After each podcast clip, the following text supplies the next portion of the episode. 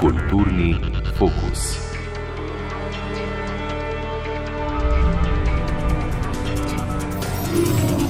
Dobro večer, želimo daj kulturni fokus, doktorica Jrneja Ferleš, v kateri bomo tokrat zakurili manjši ogenj, čeprav bi toploto morda lahko počasi začelo proizvajati sonce. Poletja nedavno še so imeli domovi ognišča, ampak pod ognišče si lahko predstavljamo marsikaj. Črno kuhinjo denimo ognišče zna biti na prostem pred tisočletji. Tudi zanimivo, včasih so menda ljudje iz dolbli izkopali določene jamice, tudi vanje dali nekaj žerjavice, zavili v liste, tisto, kar so nameravali pripraviti, navadno je bilo to meso ali kaj drugega, pokrili zemljo in počasi pekli. Ta tehnika pripravljanja hrane je najbrž ponekod, vsaj pri staroseljcih, danes še živa.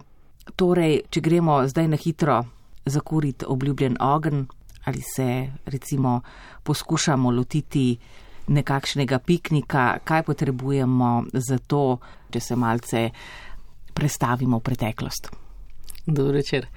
Ja, simpatično ste začeli, da prav pred kratkim smo pravzaprav kurili še na ogniščih. Ja, čas je res neka relativna dimenzija, ki jo lahko dojemamo eh, pač na ta način, da nam je pred kratkim včeraj, lahko pa je pred kratkim tudi eno stoletje nazaj, predtem je bilo namreč še veliko stoletij, v katerih smo tudi že bivali. Eh, in če gledamo skozi to neko daljšo linijo, je seveda res pred kratkim obdobje, ko so v bivališčih bila še odprta ognišča, ko so ljudje na njih kurili in, in kuhali, pripravljali hrano.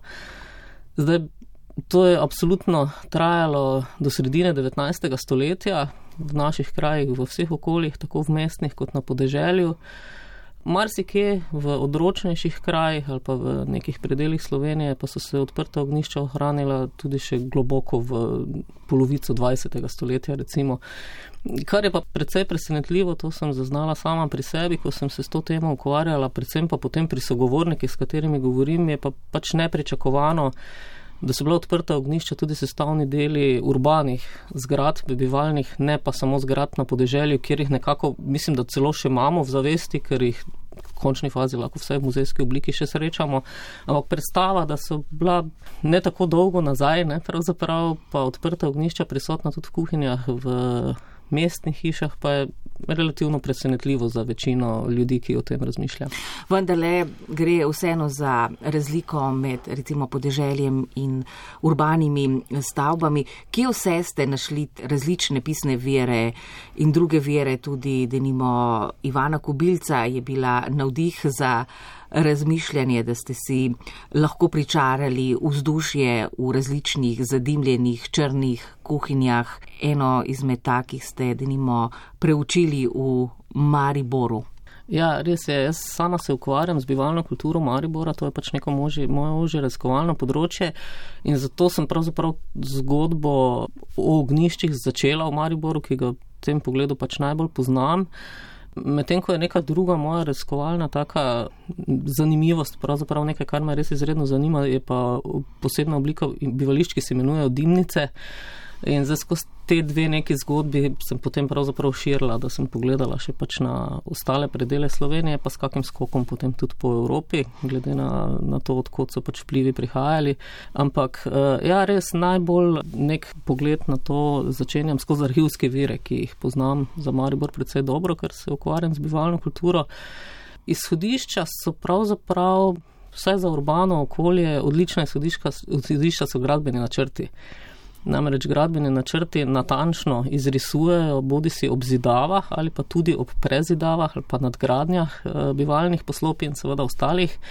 Zelo natančno izrisujejo take detajle, kot so tudi kuhalne naprave v kuhinjah. Bodi si, da gre za ognišča v pred polovico 19. stoletja ali pa kasneje za štedilnike. In to je nekaj, kar, če pogledaš vrsto načrtov, zdaj za nekatera območja so dobro ohranjeni, za druga jih je malo teže najti ampak ko pogledaš vrsto teh načrtov, ti pravzaprav postaja jasno, kako je ta dinamika prehajanja od odprtih ognišč do štedilnikov potekala tam nekje od srede 19. stoletja naprej.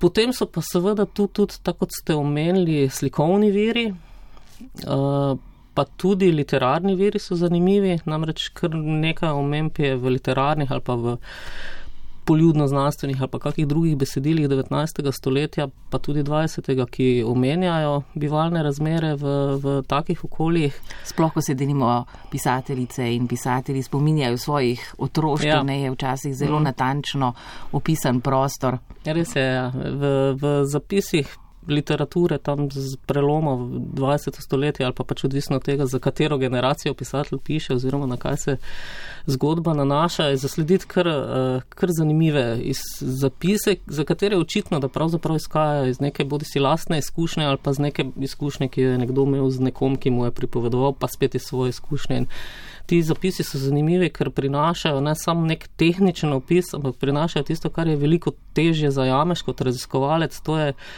občutke, počutja, vplive na, na telo, na, na počutje samo in to, to je tisto, kar je daleč najbolj dragoceno, ker tega pa seveda arhivski viri in načrti ne prinašajo. No, čeprav. Ne, si danes težko predstavljamo, da se je nekdaj živelo tako, da so skupaj sobivali ljudje in živali v enem prostoru celo. Ja, to je pa taka tipična oblika bivanja ravno za preomenjene dimnice. Dimnice so bivalne zgradbe, ki niso značilne za vso območje današnje Slovenije, ampak predvsem za alpski, panonski in uh, severni del, predvsem tisti, ki meji na nemško jezikovno področje. Gre za enocelične stavbe, praviloma lesene in vsaj prvotno sestavljene iz enega samega prostora. In ta prostor prvotno ni imel ne stropa, ne dimnika, gre kar za velike dimenzije pravzaprav. In v takih zgradbah je bilo praviloma ognišče, pa tudi peč v istem prostoru, lahko sta se držala drug drugega, seveda odprto ognišče, lahko sta bila tudi eh, razporejena v tem istem prostoru. Eh, to je bistven element dimnice, namreč to sočasno, sočasnost v istem prostoru teh dveh naprav, kar pomeni, da se kurita v istem prostoru in proizvajata tako ogen kot predvsem dim, ki je posledica tega, od to tudi ime teh zgradb.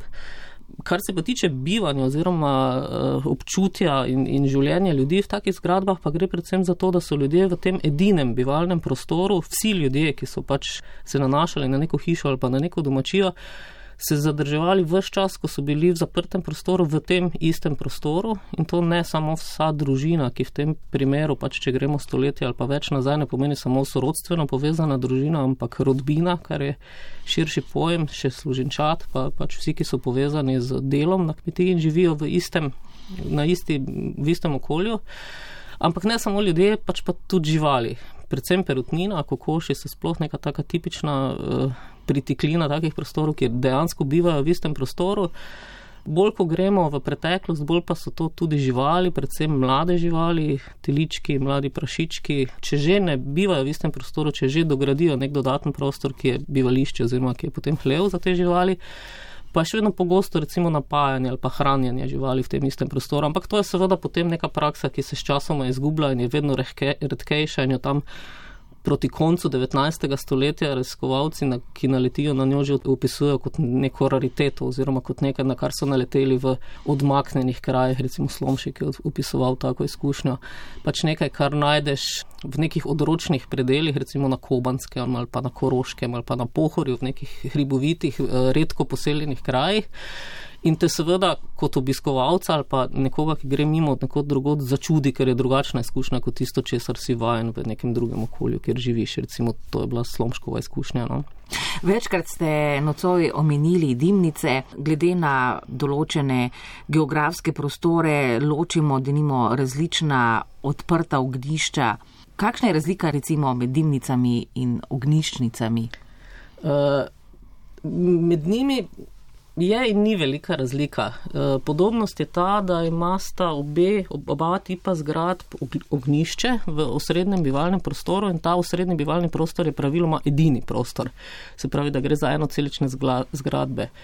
Je pa bistvena razlika, ker so ogniščnice zgradbe, ki so v zahodnem delu današnje Slovenije značilna bivalna poslopja, se pravi v, na območjih, kjer je kamen gradbeni material in so praviloma tudi kamnite tudi nekoliko manjših dimenzij, medtem ko so dimnice značilne za uh, druga območja, tista, ki sem jih pravzaprav že prej omenila, ta severni pas od Alpskega proti Panonskemu, pa južno tam nekje do Dobrne oziroma tam v Laškem so, bližje Laškega so bile najdene najjužnejše dimnice. Te so pa lesene, kar je pa seveda povezano po eni strani, so te razlike povezane z materialom, ki je pač v okolici na razpolago in so ga ljudje jasno uporabljali za gradnjo bivališč. Ni pa to edini razlog, razlogi so seveda tudi kulturni vplivi, ki prihajajo na neka območja iz, iz enega ali pa z drugega konca. Pomembno je bilo seveda v zgodovini kurjenja, netenja, ognja, priprave hrane, spoznanje, da je potrebno dim ujeti in ga skozi nekakšno odprtino usmeriti na prosto. Torej, kdaj so se tega in zakaj so se ljudje tega začeli zavedati, kakšni so bili razlogi za to, morda tudi zdravstvene narave? Ja, zapravo je zelo težko čisto z gotovostjo interpretirati za nazaj, kaj je bil razlog, ki je ljudi gnal v neke spremembe.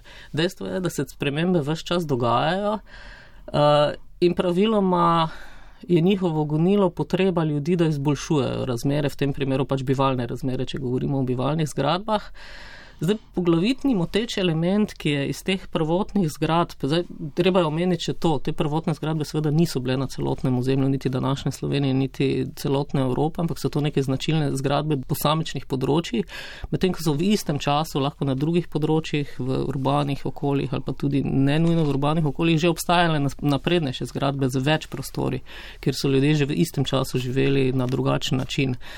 Ampak gonilo eh, razvoja pri takih zgradbah oziroma gonilo želje po ujetju dima je pa ravno prisotnost dima. Namreč v dimnicah, pa tudi v ogniščnicah je bil dim tisti, ki se je, glede na to, da ni bilo stropa in dimnikov, pač prosto valil po prostoru. Če se je tam kurilo, je dim izhajal iz teh kurišč. Eh, poskušali so ga sicer zavarovati, ker je bilo to seveda tudi nevarnost, velika nevarnost požara z, z nekimi elementi, ki se jim reče klobučnjaki ali pa še kako drugače, na katerem območju, da so predvsem lovili iskre. Uh, ampak pojavljala se je nujna potreba za odvajanje dima. Dim namreč, če ga ne usmeriš in ne potegneš na nek način, na prosto uhaja po svoje, dviga se proti vrhu, kar pomeni, da se ljudje vse bolj trudijo živeti oziroma delovati pri tleh, mm. da nastane tako imenovani talni horizont, ki se pol dvigne v tako imenovani mizni horizont, kar predstavlja na nek način prostor, kjer ljudje opravijo večino opravkov, zato da se dimo izognejo. No, ampak ta dim gre proti vrhu, potem pa, kjer le more, pač uhaja na prosto. Zdaj to so lahko kakeline v stenah. Lahko so zgornji deli vrat, ki so razdeljena na dva dela, pa zgornjega odpreš, da ne prezračiš preveč, hkrati pa spustiš dim na vzven pa tudi v strešju, pač, kjer je dim našo pot. No in to je bila ta prosta pot dima. Potreba ljudi pa vse večja ujeti dim v neko napravo, ki bo speljala uh, dim na prosto in to je seveda lahko dimnik. Uh, dimnik kot odprtina, ki vodeno potem usmerja od kurišča nad ogniščem in z neko silo potegne dim na prosto, približno tam, kjer nastane in mu ne dopušča, da se vali po celotnem prostoru. Za prvotne dimnice dimnikov niso imele, kasnejše so lahko bile prezidene na ta način, da so jim tudi dodali že dodatne prostore, ki niso bili več zadimljeni in so bili prijetnejši za bivanje. To so poznejše razvojne stopnje. Medtem ko je naslednja razvojna stopna hiša s črno kuhinjo, ki praviloma že ima več prostorov, že v osnovi. Uh, no, ampak kot rečeno, ta dim, ki gre skozi dimnik, potem vsaj zmanjša količino prisotnega dima v prostoru, kar seveda je pomembno, ker dim vpliva tako na, na nek uh, občutek, v katerem deluješ, predvsem pa tudi na zdravje. Čeprav pa v tem kontekstu zanimivo, ravno sem ga še enkrat prebrala, uh, ko sem razmišljala o tem pogovoru danes. Uh, navedek uh, Prežihovega voranca, ki v levem delu piše o občutku v dimnici. Ta opis je res zelo, uh, zelo nazoren, zato da si lahko predstavljaš, kak prostor to je, na Koroškem namreč. Um, ampak zanimivo pa je to, da opisuje, da pravzaprav ljudi, ki so bili tega vajeni, ta dim niti ni motil, da so se v njim gibali, ga ne več toliko zaznavali, kot imamo danes, mogoče občutek, ko o tem razmišljamo. Da so recimo ženske predle v takem prostoru, čeprav niso ničesar videle, ampak so pač to počele na pamet, ne, takrat, ko, ko jih je zajel dim. Ampak absolutno na dihalne poti, na oči uh, in na, na počutje in zdravje in na pljuča, seveda, absolutno pa to vpliva. Ne? Saje so uh, kancerogene, ne? odim sam draži očesa. Oziroma, sluznico v, v očeh, in to dejansko je vplivalo na zdravje. Črna kuhinja, ki ste jo tudi omenili, skoraj mit se je drži najbrž zato, ker se je od visokega srednjega veka obdržala še v 20. stoletju, tam se je pripravljala hrana tako za ljudi kot pozneje za živali, torej ostajajo v funkciji, bolj za kuhanje večjih količin hrane, krme za živali. Za črno kuhnjo so značilni tako kotli kot eh, drugi načini priprave hrane z različnimi posodami in uh, sredstvi. Torej, tudi črne kuhinje se razlikujejo med seboj. Ja, zdaj predvsem je treba pojasniti ta pojem črna kuhinja. V etnologiji je črna kuhinja terminus technicus, pravzaprav za eno od stopenj razvoja bivališč. S tem, da je spet treba upozoriti, da te stopne ne grejo vedno linearno in ne posod enako. Ne. To je ved, vedno izhodišče, kadar o tem razmišljamo. Ampak načeloma je črna kuhinja stopnja, ki nasledi dimnico, tam, kjer dimnica pač obstaja, na ta način, da več nima enotnega prostora, v katerem je ognišče in peč, niti ne nekega dodanega prostora, kjer potem peč z enim delom greje, kuri se pa v tistem delu, kjer je tudi ognišče, zato da tam zadržuje ves dim, drug prostor pa pusti dima prost. Ampak je hiša s črno kuhinjo pravzaprav že bivalna zgradba z kuhinjo ali vežo, v kateri je zdaj ognišče, pa tudi kurišče peči obsega pa še druge prostore. To so lahko en, en sam dodatni bivalni prostor z to že omenjeno, eh, s tistim grelnim delom peči, ponovadi je pa to več prostorov. Dve sobi, recimo vsaka na svojo stran od veže in kuhinje, pa ponovadi še kakšni štibilci, kamere oziroma manjši prostori, ki so tudi namenjeni spanju, lahko pa tudi hranjenju živil ali pa oblačil. Skratka, črna kuhinja je prostor, ki je potem obsega ta en zadimljen in osajan, ali kako naj rečem, pravzaprav prostor, ki je izpostavljen sajam. Eh, namreč, ko dim uhaja in se sreča z vlago, pač povzroči lepljenje teh temnih eh, saj na stene in to je tisto, kar na oči najbolj vidimo kot črno kuhinjo ne? in to gre potem tudi proti dimniku in je tisti del uh, videti ves črn in zadimljen. Uh, Medtem ko tisti drugi prostori pa seveda več niso uh, izpostavljeni dimu in so čisti, uh, beli, tudi v literaturi, dosti krat omenjeni. Skratka, dima prosti, kjer potem tisti, ki se ne ukvarjajo s kuhanjem, pa tam preživijo večino časa.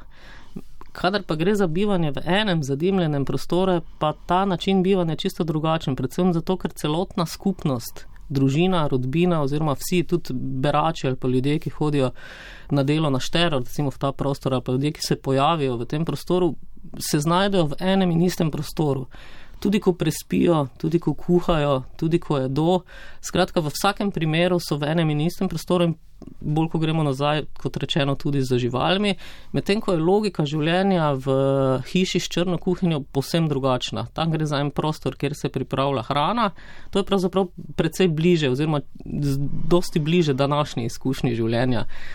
Skratka, prostor za pripravo hrano je ločen, ne glede na to, da nas danes pač pri tem ne odprto, ne dimne dohajata, ampak vseeno gre za nek načeloma ločen prostor in za druge prostore, ki so namenjeni drugim dejavnostim že nekako vnaprej. V tem je uh, osnovna razlika. Lito železni kotli, glinena, lončena posoda, tega je verjetno, kar se dediščine, načino prehranjevanja tiče na odprtih ognjih, kar veliko. Uh, po eni strani gre že za predmete, danes se jih da videti v muzejih ali pa v muzejskih postavitvah, v kakih ohranjenih uh, starejših bivalnih zgradbah. Uh, Se pravi, za predmete, ki so lajšali kuhanje ali pa se pripomogli k kuhanju, recimo že uh, tako imenovan uh, železni zglavnik, na katerega so polagali drva, zato da so jih malo prizdignili, da so boljše gorele, en tak tipičen predmet. Potem so tu seveda tudi posode, v katerih so kuhali. To so za ognišče tipične lončene posode ali pa kovinske posode, kotli, ki so lahko viseli iz stropa na verigah in jih je bilo mogoče višati ali pa nižati in so bile na, bili nad odprtim ognjiščem oziroma nad odprtim ognjem za, za kuhanje. Pa seveda glinene in tudi železne posode za kuhanje v peči. V peči se je namreč lahko kuhalo in peklo, pa potem priprave, z katerimi si v notranjost peči, recimo loparje za vsajanje kruha v notranjost peči, ali pa burkle za pomikanje posod, po, skratka za, tudi za vnest eh, posodo v peč, ali pa jo potem dobiti ven, pa premikati po peči. No, omenjali smo eh, že, omenjali smo že, eh, kako je bilo v teh prostorih, seveda zadimljeno in zadušljivo. Veliko krat pa je najbrž prihajalo tudi do požarov. Še danes v prenesenem in metaforičnem pomenu pravimo, da smo komu podkorili ali da če je bila jeza doma, da je bil ogen v strehi in pravi požari so veliko krat pogotili tudi vso hišo ali včasih celo več poslopi zaradi kurjenja, ker so iskre letele naokrog. Seveda, glavna nevarnost takih poslopij je bila seveda nevarnost, da se bo kaj vnelo. In tudi pogosto se je vnelo, pogosto so taka poslopja tudi zgorela, zlasti tam, kjer so bila lesena in krita z slamo ali pa z lesom kar je spet na teh eh, območjih gozdnatih, zlasti na območju dimnic, ampak seveda zdaleč ne samo tam, tudi v urbanih središčih, ki so pogosto jih zajeli veliki požari. Še danes pride, recimo. Še do danes požarov. pride do tega. Ja, zdaj, posledica tega so recimo požarni zidovi. Seveda so si oblasti absolutno prizadevale, da bi to nevarnost požara zmanjšali. Verjetno so si to želeli tudi tisti, ki so v teh zgradbah živeli. Za fiziokratizem je prinesel veliko m, mm, nekih uh, težnj k napredku in k varnejši gradni, kar je pomenilo predvsem ne uporabljati za gradno les, ampak opeko ali pa kamen, če je le mogoče, in ne pokrivati streh za slamo, ampak pokrivati eh, jih z opeko. Ali pa tudi s kamnom na nekaterih območjih, oziroma kamnito kritino. Uh, Predvsem so pa požarni redi v 19. stoletju, tam od srede ali pa že od začetka 19. stoletja, pa tudi že nekoliko prej zapovedovali način gradnje, tudi opremo, recimo prostora okoli ognišč, tla, ki so morala biti v okolici ognišč, kamnita uh, ali pa požarne zidove oziroma sploh eh, zidove, ki so se dotikali ognišč. Ognišča so namreč prvotno bila v središču prostora, torej se niso ničesar dotikala. Eh, medtem ko jih je težno potem vlekla k zidu, v kote ali pa k zidovom, predvsem zato, da se je dalo speljati eh, dimnik oziroma da se je dalo povezati z tem izhodom na prosto, ki je pelal dim na prosto, ampak primakniti se k zidu je pa za ognišča pomenilo primakniti se k nečemu, kar se spet lahko vname, ne, prej, ker se pač stvari dotikata in takrat je morala vsaj ena od sten, najmanj ta stena, ki se je ognišče dotikalo, biti zidana, ne pa lesena, ker se to seveda ne bi šlo. In enako velja potem tudi za požarne zidove znotraj bivališč, predvsem pa požarne zidove med hišami v mestih, ki so se stikali, zato da se požar, če se je že nekje začel, ne bi hitro razširil še naprej. Ampak požari so seveda bili in te iskre so bile, zdaj naprave za lovljenje so tudi obstajale, da so vsaj zadržale recimo ti klobuki ali pa nape nad ognišči.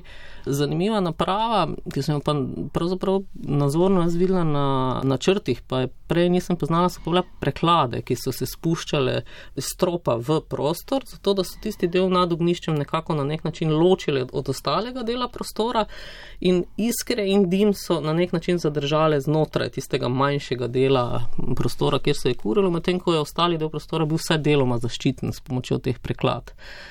Ampak kot rečeno, požari so bili, meni je bila zanimiva ena opaska. Mislim, da je z druge polovice 19. stoletja, tam okrog 1880, mislim, da je nek prispevek, časopisna notica, pravzaprav, ki govori o požaru lesene zgradbe na Remšniku. To je področje, kjer so dimnice bile še relativno pogoste v tem času. In notičar je zapisal nekaj v tem smislu, da je pogorela lesena zgradba, ampak da ga pravzaprav čudi, da je pogorela. Čudi ga pa zato, ker ga čudi, da ni pogorela že prej. Kako je sploh mogoče, da taka zgradba še obstaja?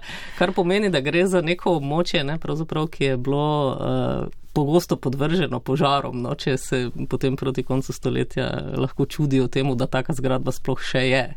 Da ni pogorela že prej. No, čeprav recimo v toplejšem obdobju leta vsaj ljudje niso bivali v teh prostorih eh, vse dan, najbrž bolj proti večeru, se hodili bolj eh, gred zvečer, potem najrazličnejša dinamika seveda je potekala skozi stoletja družinskega, rodbinskega življenja, pa vendarle tisti, ki je skrbel oziroma tista, ki je skrbela za ogen, je morala v tem primeru, vsaj kar se teh iskr tiče, biti prisotna vse čas, ko se je kurila v tem prostoru. Uh, pravzaprav mislim, da vse čas prisotnost ob ognišču ni bila nujna. Obstajali so namreč tudi načini, da si ogen oziroma žrjavico tlečo ohranjal, zato da ne bi bilo treba kuriti vedno znova, ampak v, recimo, v kakem delčku ognišča, ki je bil malo poglobljen eh, ali pa na nek pokrit način, deloma pokrit način, ki je ohranjal žrjavico tlečo, hkrati pa je na, saj namerno ni dopuščal, da bi se lahko razširila. Ampak, ja, res gre pa za eno zanimivo razmišljanje o tem, kdo so zdaj tisti, ki so podvrženi temu bivanju ob odprtem ognju, kdo je tisti, ki kuha in kje so vsi ostali ta čas, oziroma koliko časa se pravzaprav zadržujejo v bližini. Zdaj, ognišče je en tak prostor, mogoče potem kasneje rečeva še kako v metaforiki ognišča, no, oziroma v simbolnem pomenu ognišča, ki je tudi zelo zanimivo. Ampak ognišče je privlačno na, in koristno na več načinov. Prvič zato, ker tam lahko skuhaš hrano, kar je osnovni namen, oziroma pečeš uh, hrano, tudi peč ima neko podobno funkcijo. Ampak vsekakor ni samo to, je tudi prostor, ob katerem je topleje kot v drugih delih, ki se greva, uh, bivalni prostor, ki ga tudi razsvetljuje. Definitivno pa je tudi zanimiv zato, ker ima neko privlačnost ta odprti ogenj, ki ga pa danes mogoče zgolj slutimo skozi kakšne taborne ognje ali pa kresne večere ali pa kaj takega, ampak tudi v vsakdanosti je moral imeti odprt ogenj neko svojo privlačno moč, ne samo zaradi svetlobe in toplote, ampak tudi zaradi tega, ker je imel neko, nek, nek naboj, ja, da je sobivajoče pač privabljal, zlasti v nekem času, ki je bil prosti čas, da se ob njem zberejo in ob njem ne samo jedo, ampak pač tudi drug ta delček prostega časa preživijo. Pravzaprav gre za nekakšno srce, središče hiše. Ja, ja, in to je tudi ta simbolična vrednost ognišča, ki se je potem pravzaprav ohranila. Ne? Danes je reč, da si se vrnil k domačemu ognišču ali pa da pogrešaš domače ognišče, pač preprosto pomeni, da pogrešaš dom oziroma v nekih uh, daljših oziroma širših časov, časovnih in prostorskih relacijah, pač da pogrešaš domovino, recimo, tudi, uh, tudi to je ena od um, uporab. Uh, Ja, ogen, ki da nimo gori v kaminu, recimo, daje občutek neke mirnosti, sproščenosti, da nimo tako kot vode, zelo podobno, čeprav gre za dva nasprotujoče si elementa. Res je, res je. Eh, tudi elementi sami po sebi imajo neko privlačno moč, ampak kar sem prej hotel še omeniti, je pa mm, to razmišljanje o prisotnosti ob ognju. V zadnjem času z eno od raziskovalk pripravljava članek, v katerem se sprašujeva na podlagi podatkov iz uh, mrliških knjig, kjer so zabeleženi tudi razlogi za smrt, in pa teh podatkov o tem, kje in kdaj so bile dimljice ohranjene, poskušava najti povezave in ugotoviti, ali so ljudje v teh krajih pogosteje umirali za recimo pljučnimi boleznimi proti koncu 19. stoletja, kar bi bil logičen sklep. Vemo pač, da, je, um, da so saje kancerogene, vemo, da to pač povzroča lahko raka in posledično smrt od tega. In vemo, kje so bile dimnice ohranjene. Ampak, ko te podatke sestavljajo, vse zaenkrat ne prihajajo do sklepa, da so ljudje tam vsaj vidno pogosteje umirali za takimi boleznimi, kot recimo v nekih okoljih, kjer so istočasno že živeli v, v drugačnih okoljih, kjer je bilo manj dima prisotnega. Za razmisleke vodi tudi v to smer, da mogoče ljudje pač niso toliko časa preprosto preživeli v notranjosti, razen tiste ene osebe, ki je bila bliže in ki je morala biti blizu zato, da je kuhala kar pa seveda spet ni cel dan, ampak samo del dneva, se večina ljudi pač najbrž ni zadrževala vse čas na prostem, oziroma se večji del časa, vsaj na podeželju, ni zadrževala ne na prostem, pa v notranjosti, pač pa upravljala dela na prostem in na ta način spet ni bila podvržena temu, uh, temu okolju, no, zadimljenemu. Tako da so ti razmisleki vedno, m, nikoli niso črno-beli, pravzaprav. No, ko si sestaviš en sklep, uh, ga moraš razmisliti naprej no, in razmisliti še ostale okoliščine. No, seveda pa je tudi družbena stratifikacija lahko gledana skozi ognišče oziroma kdo se zbira okrog ognišča oziroma kdo dobi prostor potem pozneje za mizo, kdo sedi v bližini ognišča, kdo sedi za pečjo, kdo leži o peči na njej, tudi peč je tako toplotno telo.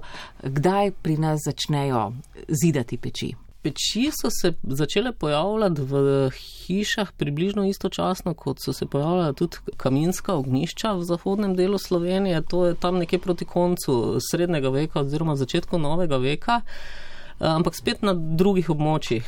To sicer ne pomeni, da so povsod uporabljali peči, da so se povsod pojavile istočasno, ta, je, ta doba lahko včasih traja stoletja, preden se nek pojav, ki se nekje pojavi, potem razširi tudi na druga območja ali pa se celo ne. Uh, ampak uh, funkcija peči je šla v to smer, da se je potem res, kot sem rekla, v enem prostoru kurila, v, za večino svoje zgradbe pa je segala v drug prostor, ki ga je ogrevala.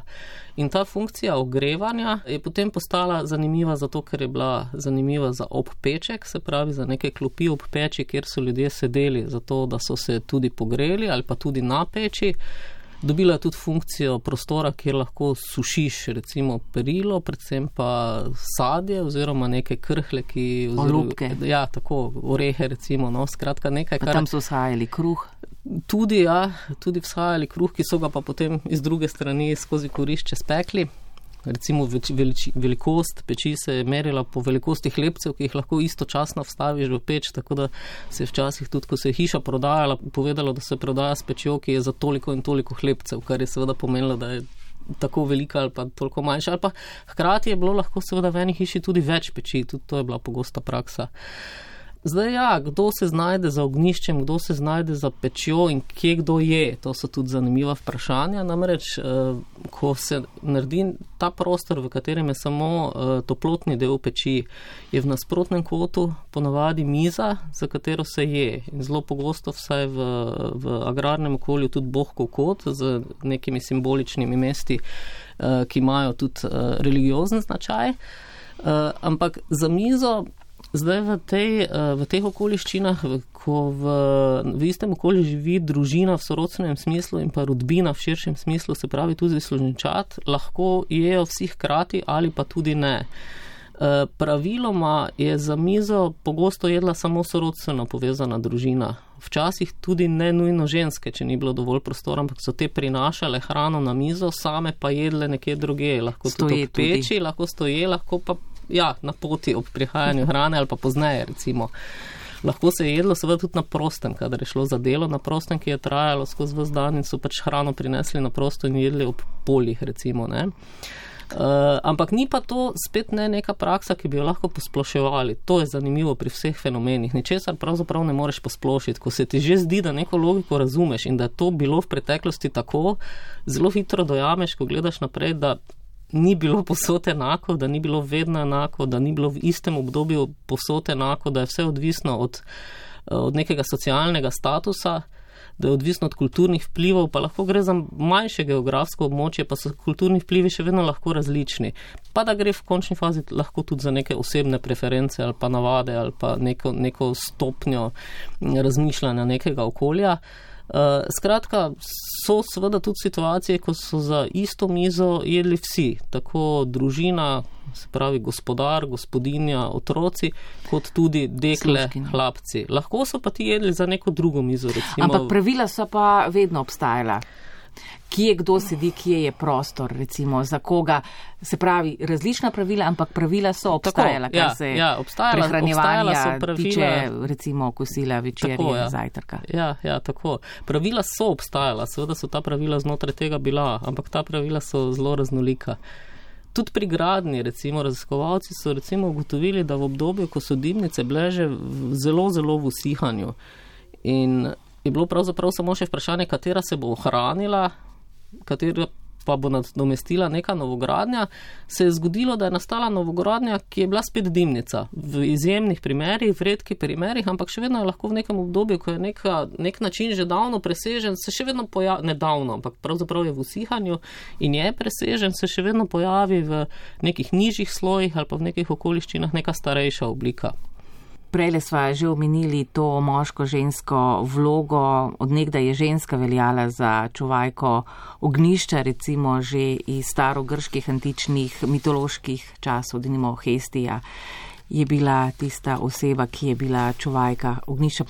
No, ampak, če so skozi zgodovino, delimo predvsem ženske, morda tudi otroci ali služkinje, služinčat, eh, skrbeli, skrbele za ogen, nadzorovale ta ogen, pa so bile tudi hkrati same družbeno nadzorovane, ko so bile nekako priklenjene k ognišču. Ja, res je. Kuhati in pripravljati hrano pomeni bolj ko gremo v preteklost, nek dolg postopek. In ta dolg postopek je predvsem ženske, ki so hrano pripravljale za dolgo časa, priklenil k tej napravi oziroma je pač zadrževal ob tej napravi in, in ne puščal nekega časa, ki bi ga lahko preživela drugot. Uh, zato tudi ta metafora pač v zvezi z žensko zaštedilnikom, pač, ki se posveča eni sami stvari, v glavnem ali pa nekemu skupku gospodinskih opravil.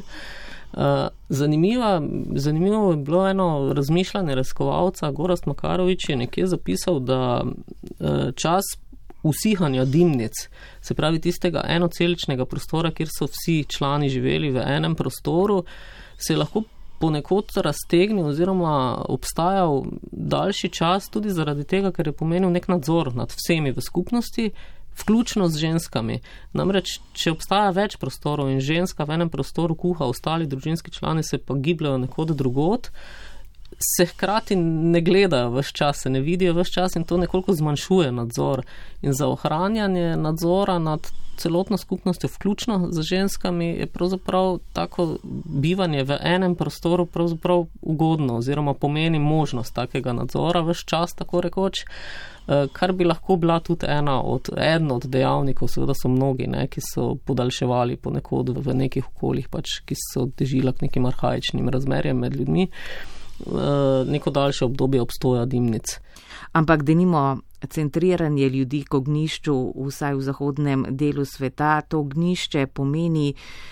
Danes kuhinja, ki postaja vedno večja, tudi jedilni koti so navadno ki se mi zdi, da so mogoče v kakih obdobjih že imeli tendenco oddaljevanja, no, včasih morda zaradi razloga moških pogovorov nekoliko stran, znova nekako bliže temu prostoru za kuhanje. Kuhinja je družabni del doma, bolj tudi intimni, zaupni. Se pravi, ta psihološka funkcija ali pa socialna funkcija še vedno, ne glede na spremembe, transformacije, drži oziroma ima isto funkcijo, kot jo je imela nekdaj.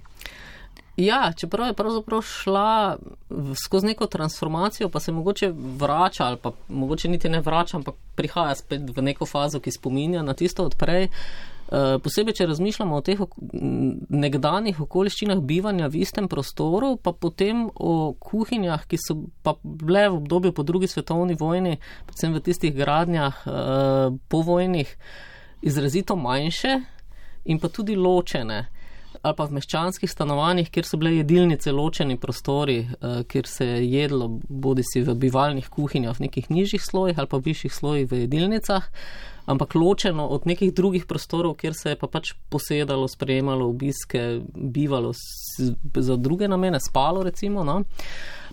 Je pa mogoče danes res nek trend, uh, ki vodi k temu, da bi, da bi vse obstajala težnja za nekim skupnim prostorom, kjer se večino časa lahko preživi skupaj, pa se potem umakne v neke manjše prostore. Ampak to povezovanje kuhinj in dnevnih prostorov, recimo, je nek zanimiv trend, ki traja že nekaj desetletij, ki spet pripelje do nekega velikega osrednjega bivalnega prostora, v katerem ja, tako ženska ali pa kdorkoli, ki danes kuha, pač kuha. Ampak so vsi, ki bivajo, v, ki so vezani na to bivalno enoto, pravzaprav nekje v bližini večino časa gledajo televizijo, recimo, ne, ali pa počnejo kaj drugega, ampak načeloma v tem prostoru, ki je povezan. To je res.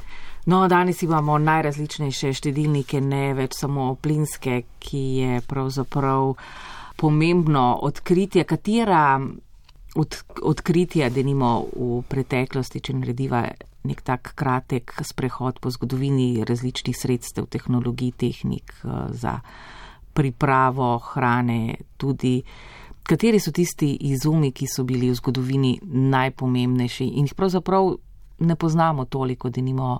Prišlo je vmes tudi do, seveda, do izuma, če lahko tako rečem, elektrike. Tudi, ja, ampak še prej je bil bistven prehod od odprtih ognišk štedilnikom. No, to je en tak prehod, ki je res pomembno spremenil bivanje. Uh, skoraj enako pomembno bi lahko rekli, je bil prej že omenjen izum oziroma začetek graden dimnikov. No? Uh, ampak vsekakor je pa štedilnik kot pojav, ki se je pojavil sredi 19. stoletja, zelo spremenil bivanje. Bil je v več pogledih sprememba. Glavna sprememba je seveda v tem, da se odprti ogenj ujame v nek zaprt prostor in s tem onemogoča uhajanje iskr. Tisto veliko nevarnost požara, se pravi, bistveno prispeva k požarni varnosti. Eh, zdaj, zaradi tega, ker se kuri v notranjosti, eh, se tudi kuri bolj ekonomično, se več toplote zadrži v notranjosti eh, in se porabi manj kuriva. To se pravi, da je, da je taka naprava za kuhanje bolj varčna. In v to je dobila tudi ime, namreč šparno ognišče so jo tudi imenovali, oziroma šporher pač iz nemščine, uh, kar pravzaprav pomeni, da je bilo v primerjavi z prejšnjo vrsto, to se pravi z odprtim ogniščem, bistveno bolj varčno. Uh, naprava je pomembna za ženske, ki so kuhale, recimo tudi zato, ker je ognišče prej lahko bilo bliže tlom, se sicer potem s časoma dvigovalo, ampak uh, kar nekaj ognišč je bilo takih, pri katerih so se ženske morale tudi sklanjati, ne samo da jim je dim sile oči, ampak so ja, klečale, sedele, uh, skratka bile nekje blizu tal, ne nujno, ne v vseh primerih, ampak pogosto. Uh, štedilnik je pa dvignjen. Štedilniki so bili pravzaprav čisto od začetka pravzaprav samo ometana ognišča oziroma ognišča, ki so bila narejena na ta način, da je bil prostor nad ogniščem pokrit in sta tisti dve železni plošči, načeloma sta bili dve, na vrhu omogočali segrevanje in kuhanje na tem prostoru, kurjenje pa znotraj, kjer je bila lahko urejena tudi pečica. No. In še nekaj je pri štedilniku zelo pomembno, kar pa je povezano z dimom. Pri štedilnikih je absolutno bil dim iz notranjosti speljan po ceveh v dimnik in potem na prosto. Se pravi, ta pot dima je pa zdaj res ujeta in se preprosto ne širi več v bivalni prostor, verjetno to naravno največji napredek. No, ob varčnosti, ki pa je bila pomembna tudi, ker se je štedilnik pojavil približno takrat, ko se je industrija zelo širila, ko je bil les potreben tudi v industrijskih dejavnostih, tudi železnica recimo, istočasno skratka les je bil na, na mnoge načine Eh, potreben tudi za druge reči, medtem ko se je štedilniku lahko kurilo tudi s premogom, na odprtem ognišču recimo ne. Uh, tako da vsaj z tega vidika nekega daljšega pogleda je štedilnik absolutno priprava, ki je spremenila uh, način priprave hrane, ampak ne samo to. Je pa hkrati pomenila tudi nekaj. Uh, Nekaj korakov nazaj, v nekaterih pogledih bi lahko rekla, predvsem ni več razsvetljeval prostora, kar ni bilo tako nepomembno pred, eh, pred pojavom elektrike, in pa tudi ni več ogreval na enak način prostora. Če je odprto ognišče večji prostor ogrevalo, je zdaj štedilnik pač predvsem ogreval tiste površine, ki so bile namenjene kuhanju, deloma seveda tudi prostor, ampak manj kot odprto ognišče, ker se je ta toplota ravno zgubljala in, in zato bila manj varčna. Štedilnik pa potem. In zato smo potrebovali druga toplotna telesa. Ja, druga toplotna telesa. Spet uh, izum radiatorjev. Deloma so sicer peči bile tudi že prej v tej vlogi, kjer so pač bile v istem prostoru, oziroma najrazličnejše oblike peči, če so bile, ja, deloma so prostori bili hladnejši. Zanimiv vidik je pa dejansko tudi svetloba. No? Ta umik svetlobe v notranjost sproži razmislek o tem, da gre pravzaprav za neke prostore, ki so bili praviloma zelo temni, že zato, ker zunani prostor ni bil tako razkošno razsvetljen, kot ga imamo danes v zavesti, predvsem v urbanih okoljih. Pa tudi zato, ker so bila okna bivališč manjša, zato da toplota ne bi uhajala na prosto, ker je bila zasteklitev lahko manj prosojna, pač ni, ni šlo v vseh obdobjih preteklosti za tanka stekla, ki spuščajo svetlobo v notranjost na tak način, kot smo danes vajeni. In pa zato, ker pač ni bilo električne luči, seveda. Ja, ampak eh, štedilniki so bili tudi prava gradbena umetnost in umetnost estetike. Tudi narejeni so iz najrazličnejših materijalov, bili so zidani in lito železni, poznamo tudi šamotno opeko? Ja, še motna opeka je zato, da je v notranjosti štedilnika in da ohranja toploto, ker gre pač za neko predelano obliko gline v šamotki, pač eh, je težka, predvsem pa ohranja temperaturo. Ja, res je, štedilniki so bili seveda tudi najrazličnejših oblik, od te čisto preproste zazidane oblike do potem načrtno zidanih štedilnikov iz kamna ali pa iz opeke do tistih, ki so potem že obzidane z keramičnimi ploščicami in z nekimi kovinskimi umetelnimi pač napravami, tudi obdane, tudi zaradi tega, da, da izgledajo lepše, pa seveda tudi zato, da imajo neko funkcijo. Pa do prostostoječih, ki ste jih omenili, lito železnih, tudi ti so bili razmeroma hitro kar popularni, potem pa pridejo počasi že na vrsto električni štedilniki, pa kombinirani štedilniki tudi s plinom in današnje najrazličnejše oblike, za katere je zanimivo pomisliti, da so seveda spet samo ena od razvojnih faz in da se seveda ne bo končalo pri indukcijskih ploščah, pa pri tem, na čemer danes kuhamo ali pa zbiramo uh, različne oblike, ampak bo čisto zagotovo napredek šel oziroma tehnološki razvoj pač naprej. Ne? In ta hip ne moramo vedeti, štedilnik, kakšni štedilniki bodo recimo v našem okolju čez nekaj desetletij. Si pa veliko krat ljudje, ki si urejajo novo domovanje, recimo ali preurejajo stanovanje, zaželijo tako imenovane kmečke peči tudi v urbanem okolju.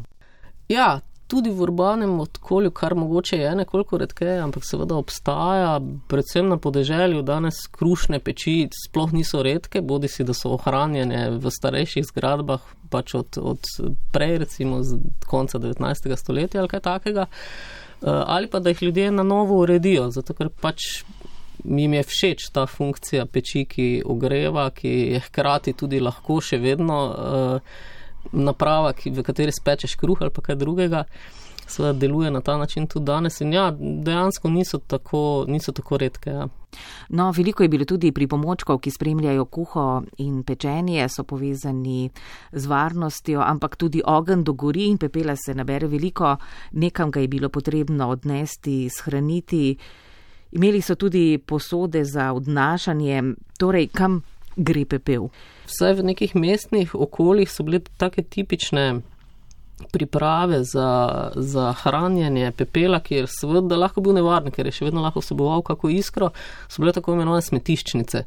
Te so bile ponovadi na dvoriščih, take manjše, grajene uh, oblike, pač, ki so bile na eni strani namenjene hranjenju pepela na drugi strani pa hranjenje smeti, kar je dokaj nenavadna kombinacija, ker bi, če bi ti dve zadevi prišli skupaj, pač seveda toliko prej lahko povzroči požar, ampak požarni redi in stavbni redi so natančno določali, kakšne morajo te uh, naprave biti oziroma te zgradbice biti. Uh, predvsem je moral biti jasno ločen ta prostor in pa z železnimi vrati.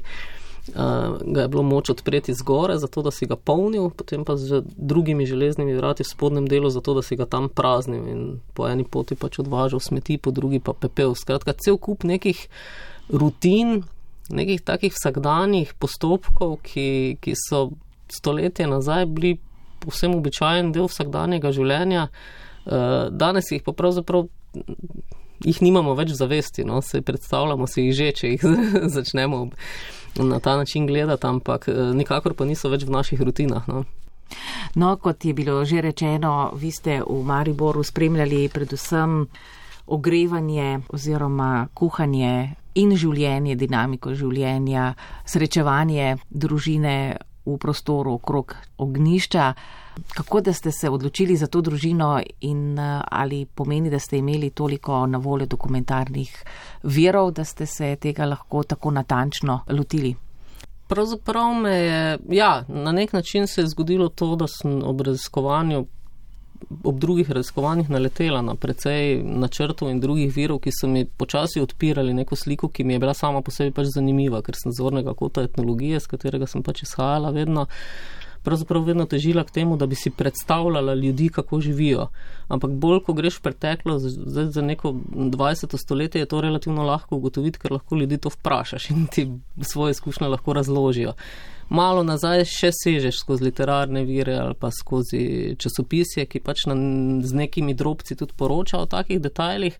Ampak, če se hočeš pa premakniti 200 leti nazaj, pa zelo težko. Ti spomini niti po ustnem izročilu niso linearno ohranjeni, tako da bi jih lahko z lahkoto vse razpoznaval. Še manj obstajajo viri, ki bi ti pisno, natančno opisovali občutke ljudi ali pa njihove izkušnje v prostoru, ampak ko sestaviš nekaj podatkov, predvsem je zelo pomembno kombinirati vire. No? Imáš en vir, ki ti govori o neki podobi prostora, potem imaš nek vir, ko človek na nek način zapiše neko občutje, potem imaš neko poročilo v časopisu, recimo, ki poroča o neki nesreči, ki se je zgodila ob kurjenju v štedilniku. In ko take drobce sestavljaš, se ti počasi sestavlja neka slika, ki te pa vedno znova če si ne daš miru, da bi uh, rekel, da je to to in da je to neka končna slika, te vedno znova bega, ker prihajaš do novih podatkov. Jaz sem recimo naletela na fotografije, zelo dosti fotografij ohranjenih oziroma ohranjenih, pač živih ognišč v polovici 20. stoletja ohranjenih v etnografskem muzeju, kjer so terenske ekipe načrtno med drugim tudi ognišča, predvsem v zahodnem delu Slovenije, deloma pa tudi drugot, Eh, fotografirale, zapisovale, prerisovale, skratka načrtno ohranjale eh, neko podobo, pa tudi tehnologijo, pa ohranjenost v tistem trenutku. In ko sem šla skozi goro teh fotografij, pravzaprav me je marsikdaj presenetilo, ko sem videla neko kombinacijo recimo peči ali pa klobučnjaka ali pa ognišča ali pa posode na ognišču, ker se ni ujemalo s tistim, kar sem do takrat uspela razvozlati. In potem, ja, kaj pa zdaj to? Mi spet ni jasno, zakaj ne, nekje dimnik je, če pa ta zgradba naj ne bi imela dimnika. Ampak pol gotoviš, da so te razvojne stopne in to prepletanje in spremin, nenehno spreminjanje pravzaprav prinese do tisoče variant ki pravzaprav nikoli niso nekaj, kar bi človek potem lahko sedel in jih preprosto opisal kot nek linearni razvoj. Tega preprosto ni. Je pa nek trend, seveda, pa nek trenutek, ko se kakšna inovacija pojavi. Ampak zanimivo je, da se včasih hipoma razširi, včasih je kakšna norma zapove in jo je treba uporabljati, pa se ljudje temu še vedno izognejo. Zanimivo je recimo, da nek podatek v recimo požarnem redu ali pa v stavbnem redu, ki pove, da je treba nujno dati železna vratca, recimo na en del štedilnika, da se zapirajo, da je pač bolj požarno uh, varno. Ali pa da se ne sme prati v vodnjaku na dvorišču, to je tudi ena taka zapoved, ker pač to onesnažuje pitno vodo. Ne? Ampak najprej razumeš tako normo kot zapisano in jo interpretiraš, da od takrat naprej, ko je bilo to zapovedano, ljudje tega več niso počeli. V nekem trenutku se pa zaveš, da je obratno. Če tega ljudje ne bi več počeli, potem te norme sploh ne bi bilo. Ta norma ti pravzaprav pove, da je neka praksa obstajala in da so se trudili pač jo prepovedati, jo omejiti. Zdaj, to obdobje omejevanja je pa lahko včasih hipno, včasih pa traja dolgo in se neka praksa še ohranja. Vodnjaki so tako zanimiva reč. No? V nekem trenutku jih preprosto prepovejo. Ampak ljudje se ne dajo kar tako, ne? pač pride zapoved, da je treba vodnjake zasipati, zato da jih ja ne bi uporabljali. Ampak delček ljudi tega ne stori preprosto. Ne? Kar se pa potem kasneje skaže v obdobjih suš, ko recimo ni vode v vodovodih, ki so jih medtem pripravili za dobro rešitev, ker vseeno tista voda tam še je, ne, ker ljudje ne znajo. So bile norme rokohitrske, prej le odločitve. Lahko so bile norme rokohitrske, lahko so bile pač niso mogle predvideti vsega, predvsem pa nikoli niso zajele, vsaj ne zelo na hitro, vsega, kar so želele narediti. No, to pa je eno od takih trdnih pravil, se mi zdi. No, dimniki so se višali, večali in manjšali, da nimo, nimamo le dimnikov v gospodinstvih, ampak tudi velike tovarniške dimnike, ki so seveda simbol industrije, tudi zelo umazane industrije in ne nazadnje, da nimo v Ljubljani toplarna z velikim dimnikom. Tudi zelo opaznim. Potreba po ogrevanju in pripravi hrane, osvetljevanju je še kako povezana z različnimi naravnimi veri, s katerimi dobimo to energijo, plin, korilno olje, premog. To so vse veri, ki jih dobimo na različnih energetskih trgih, ki med seboj tekmujejo za prevlado. To povzroča pravzaprav mednarodna trenja. Ogen ne zanetimo le neposredno, ampak tudi v tem simbolnem geostrateškem, geopolitičnem smislu lahko. Absolutno. Absolutno. Ja, dimniki so zanimivi eh, kot, kot naprava, ki pač služi nekemu namenu, seveda pa res tudi kot simboli, oziroma predvsem ti veliki tovarniški dimniki, ki ste jih omenili, uh, so definitivno neka tudi orientacija v prostoru, pravzaprav lahko včasih. Medtem ko prvi dimniki, ki so jih naredili, so bili pa pravzaprav leseni, kar je presenetljivo. Znotraj so jih umetali, uh, da so bili bolj varni, ampak bili so iz lesa.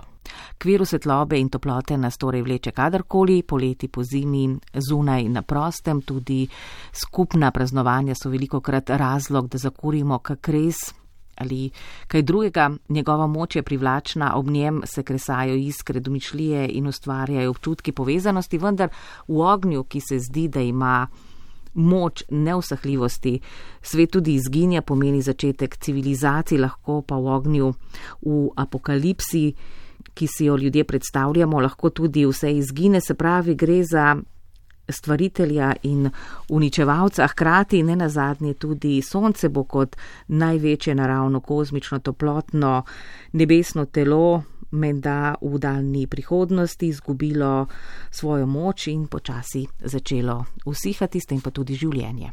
Absolutno. Ja, gre za enega od osnovnih elementov voda, okn, zrak, ki se v različnih oblikah pač pojavljajo v naših življenjih, sprožajo različne metafore in tvorijo neke simbole, absolutno. Doktorica Jrneja Ferleš, najlepša hvala za ta pogovor v oddaji Kulturni fokus nocoj. Hvala lepa tudi vam. Kulturni fokus.